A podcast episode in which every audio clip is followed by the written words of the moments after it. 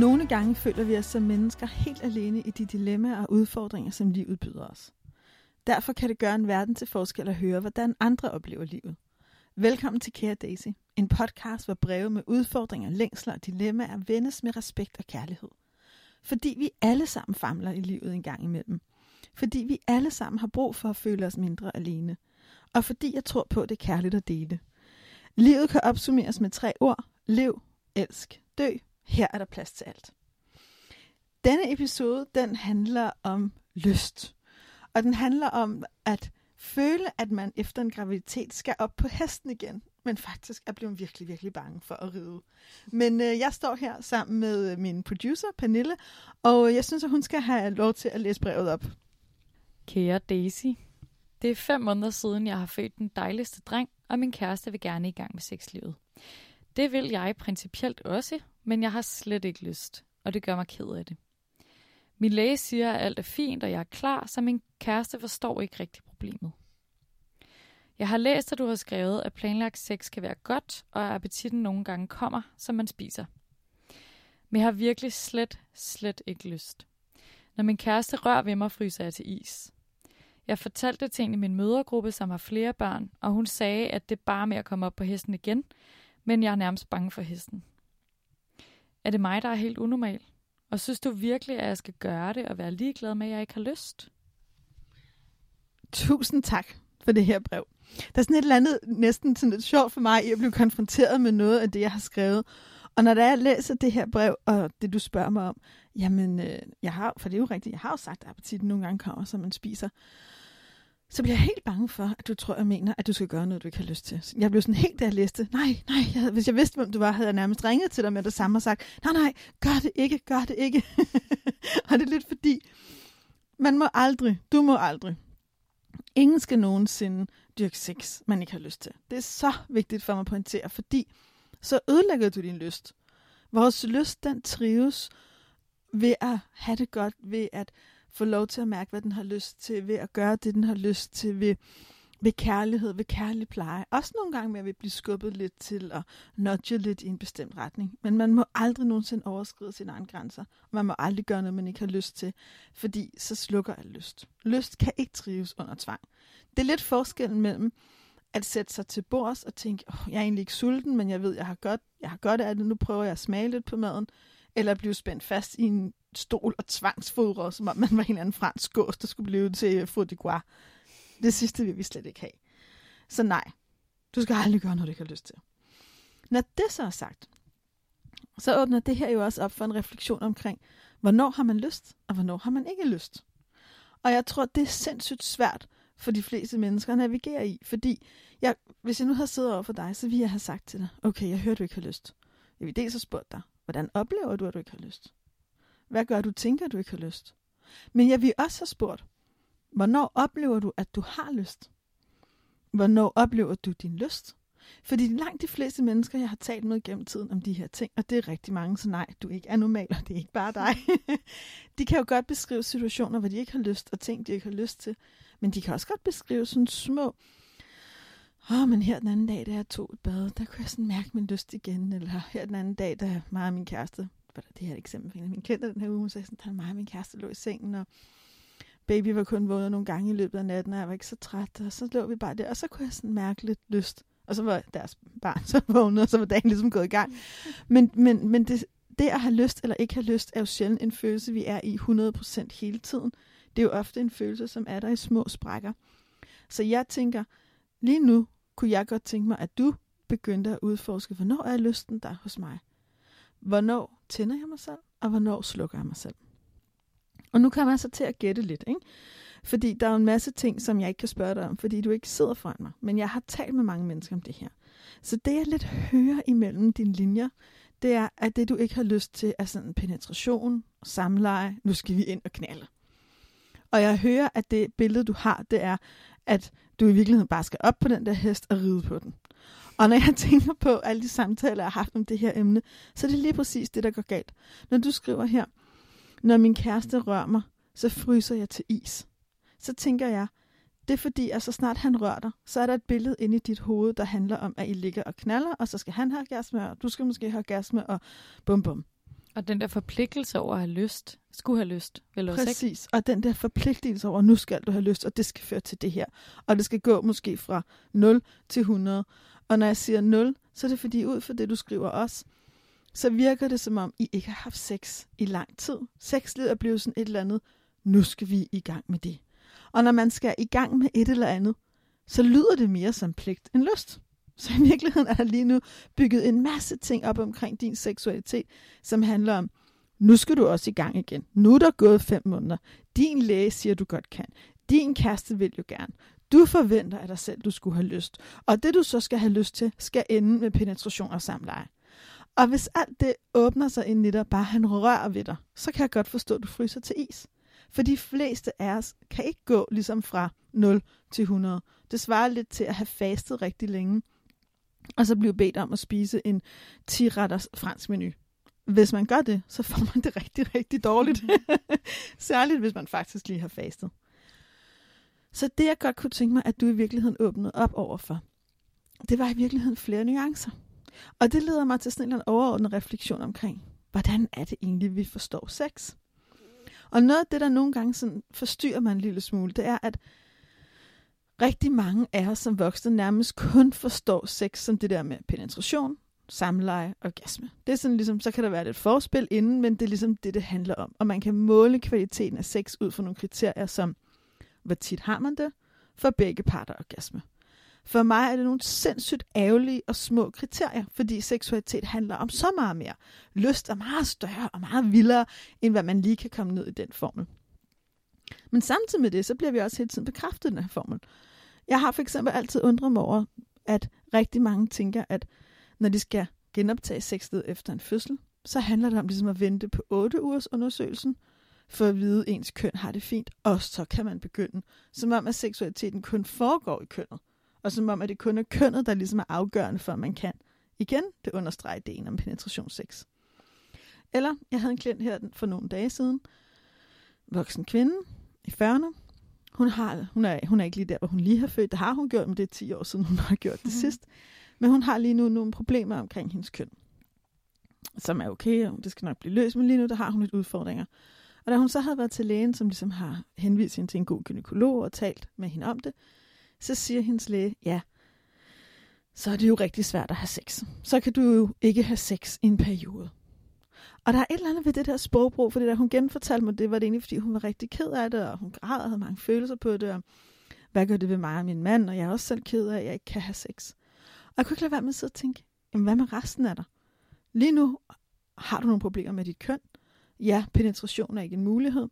Men det er jo ikke det samme som, at du ikke er til stede som seksuel væsen. Mm. Det er jo ikke det samme som, at du ikke kan have lyst. Du har to hænder og en mund og en hel krop og en masse dejlig hud, og måske er du kilden i nakken, og hvad ved jeg. Men vi har det med ligesom at fokusere så meget på den der lille bitte del af seksualiteten, der hedder samleje, at selv en læge, som er professionel for i tale sat, at nu kan du jo ikke have sex.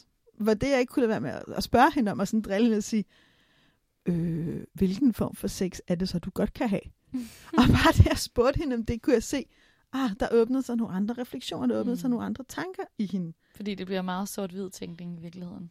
Det der med at kunne, øh, altså, at sex det udelukkende foregår mellem en pik og en Fisse. fisse. Ja, det er totalt sort tænkning, mm. og det er fuldstændig ødelæggende. Så man kan sige, at den samtale, jeg havde med hende, handlede om i virkeligheden at udforske alle de andre nuancer, alle de mm. andre ting, man kan og ikke kan. Mm. Og i virkeligheden spørge hende og sige, jamen hvis vi nu forestiller os, eller når nu din fisse er sat ud af spillet, så kan vi sige, at du beholder trusserne på. Det kan også dem af, der er jo andre dele end, end fissen i det område. Men hvad hvis vi i virkeligheden siger, at den del kan du ikke dyrke sex med? Hvilke andre dele af dig har du så lyst til at tage ind i dit seksuelle rum? Mm. Hvilke andre ting har du lyst til at udfordre og udforske? Og noget af det, som er meget interessant, faktisk, fordi hun sendte mig faktisk en besked her i går aftes, hvor det var, hun skrev, at de har haft nogle rigtig gode øhm, de havde haft nogle rigtig spændende seksuelle møder, som hun glæder sig til at fortælle mm. mig om, når vi søs. Så jeg ved ikke, hvad det er, de har lavet. Jeg ved heller ikke, om hun fortæller mig det. Men jeg ved i hvert fald, når hun sender mig den besked, at noget af det, vi havde talt om, er faktisk noget, hun har brugt, og der havde været noget godt imellem dem. Mm. Hvilket var vigtigt for hende, for hun var rigtig ked af tanken om, at så ville der bare være ingenting. Mm. Så jeg kan jo ligesom læse ud fra det, at de har fået gang i et eller andet. Så, så, så til dig, der har skrevet det her brev, jeg synes, at du skal prøve en gang at tænke dig tilbage til den gang, du var teenager. Fordi rigtig mange, når der er vi er unge, så har vi i virkeligheden en, en bredere forståelse af sex. Og vi er også nogle gange mere sådan konkrete i vores sprogbrug. Ikke? Teenager taler om, hvordan man kyssede, og hvorhen, og om man rørte et bryst eller ej, eller om man gav fingre, eller pillede her eller der. Og så er det ligesom om, at den del af os, når vi bliver voksne, og ligesom er gået i gang med hele vores voksne sexliv, så bliver det meget smalt og handler om penetration og samleje. Så prøv en gang at gå tilbage til dig selv. Prøv en gang måske at finde dit teenage selv frem. Og prøv en gang at gå til seksualitet og lyst. Lidt som du gjorde dengang du var 15 eller 16 eller 17, eller hvor gammel du nu var, dengang landskabet begyndte sig at åbne sig for dig. Og prøv en gang i stedet for at tænke, jamen lige nu handler det slet ikke om hesten. Eller om jeg har lyst til at ride på den. Det kan være, at jeg bare vil besøge hesten. Eller klappe den på mulen. Eller det kan være, at jeg, at jeg bare vil gå en tur ud på marken, der, der omkring, hvor hesten bor. der er i virkeligheden enormt mange forskellige muligheder. Og det, der er helt vigtigt, hele essensen det der med, at lysten nogle gange kommer, når man begynder at spise, det er, at man kan kun opleve, at den lyst kommer, hvis man giver sig selv lov til at sige nej. Så et helt konkret råd til dig, det er i virkeligheden at give dig selv lov til at sige ja og nej. Så i stedet for bare at sige stop, så hver gang din kæreste rører dig, så er det et, enten nu skal jeg spise hele menuen, eller også så skal jeg stoppe det nu. Så prøv en gang at åbne op for, at der kan være noget, der er ja, og der kan være noget, der er nej. Og begge dele skal have lov til at være der. Og når det er, at du siger nej, så bed din kæreste om på forhånd og svar dig med tak. Så det i virkeligheden bliver fuldstændig i orden imellem jer, at man må initiere, man må røre, og man må få et nej, og svaret til et nej. Altså tak, tak fordi du fortæller mig, hvordan du har det. For det er nemlig også en måde at åbne op for at kunne få meget mere sex og lyst. Jeg har også arbejdet med det her par, som øh, her for nylig havde besluttet sig for at prøve det der med planlagt sex. I virkeligheden ud fra tanken om, at nu ville de gerne ligesom gøre noget ved deres sexliv, og de vil gerne give sig plads til ligesom også at gå i gang med at spise. De har også haft lidt en pause. Og de var så gået all in, og de havde købt øh, et weekend på et dejligt hotel. en weekend getaway. Ja. Og pakket undertøj og lidt olie og lidt sådan frem og tilbage, hvad man nu mm. kunne, kunne have lyst til at inddrage i det. Og de har sådan snakket rigtig meget om det. De har også fulgt nogle af de der råd, jeg har i den manual, jeg har skrevet om det med ligesom at gøre nogle redskaber klar, sætte nogle fantasier i gang og sende nogle sms'er. Mm. Og da det så var, de kom dertil, så skete der bare det, at hver gang de ligesom prøvede at gå ind i det her sådan meget seksuelle rum, så, så kludrede det lidt for dem. Ikke? altså sådan helt ned fra, på et tidspunkt, så kludrede kondomet, og penis ville ikke rigtig følge med, og hun blev lidt usikker, og han blev lidt usikker, og så blev hun lidt irriteret, og han blev lidt skuffet, og det hele sådan kørte frem og tilbage. Det var faktisk mm. rigtig, rigtig kikset, ikke? Men heldigvis, for det her det er simpelthen sådan to så kloge mennesker, så gjorde de det, at de bare lidt overgav sig til det, og tænkte, okay, så er det sådan, det er. Og så tænkte de, men vi er her, lad os nyde det. Så de krammede, de gik ned og badede, der var nogle, der var egentlig spa-faciliteter. De kyssede en hel masse. De grinede en hel masse. De endte med at drikke drinks til aften. De sov rigtig længe. De vågnede næste morgen og gav hinanden en, en skøn massage og kyssede i badet og følte sig lidt som teenager og var helt glade og kom her nogle dage efter de var kommet hjem og var sådan helt sådan kærlige over for hinanden og lidt flisende. og jeg kunne mærke, at der var en god kemi. Og det var jo så rigtigt, det de gjorde. For succeskriteriet handlede ikke om, hvorvidt de knaldede. Succeskriteriet handlede om, at de faktisk fandt hinanden lidt mere, og åbnede et erotisk mm. rum, og åbnede, åbnede noget leg og noget gnist og noget lyst. Og det var enormt vigtigt for mig, den samtale med dem efter, at de ikke ligesom følte, at vi nåede jo ikke helt det, vi gerne ville. For i mit hoved, der nåede de præcis det, der var vigtigt. Mm. Nemlig at forbinde sig med hinanden og åbne op imellem dem. Fordi sex og penetration skal ikke være et eller andet mål, man skal nå, så man har gjort det. Det kan være en ting, man kan inddrage. Men det vigtige er i virkeligheden forbindelsen af, at vi, vi er sammen, og følelsen af, at vi elsker hinanden, og vi kan lide det, og vi synes, det er rart at være sammen, og vi er trygge ved hinanden. Fløten, livsenergien, det er det, der er vigtigt. Det andet, det kan ske eller ikke ske. Men det er ikke det, der skal definere det. Så, så det råd, jeg kan give dig, det er, når det nu er, du nu åbner op for dit sexliv igen, for jeg kan mærke, at jeg hører også i dit brev, at du i virkeligheden savner din lyst, så åbn op i stor respekt for dig selv. Prøv en gang at mærke, hvad er det, jeg har lyst til. Og hvor, hvor langt har jeg lyst? Så i stedet for at tænke sort-hvidt og i sådan store kasser, så prøv en gang at mærke, hvor er min lyst, og hvor er den ikke. Tal med din kæreste om det. Og gør eventuelt også det, I udforsker. Så sådan en helt konkret noget, man kan udforske på, når man nu også er hjemme og har et lille barn, det er, at øh, når barnet sover på et tidspunkt, så kan du gå ud i køkkenet og hente fem ting fra køkkenet. Mm-hmm. Køleskabet, honningdåsen, øh, piskeriset, øh, Syltetøjet, chilien, whatever. Altså find fem ting i dit køkken. Der er masser af ting i dit køkken. Mm. Tag dem med ind i sengen, og så sig, okay, jeg vil gerne prøve en ting på dig, og så vil jeg gerne have, at du prøver en ting på mig. Okay, spændende. Og så kan vi se, hvordan det føles, Ja. og hvor det fører hen.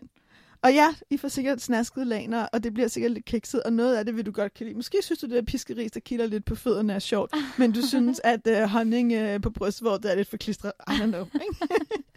Men prøv en gang at tillade jer selv at lege. Åbn op. Leg. Prøv nogle ting af.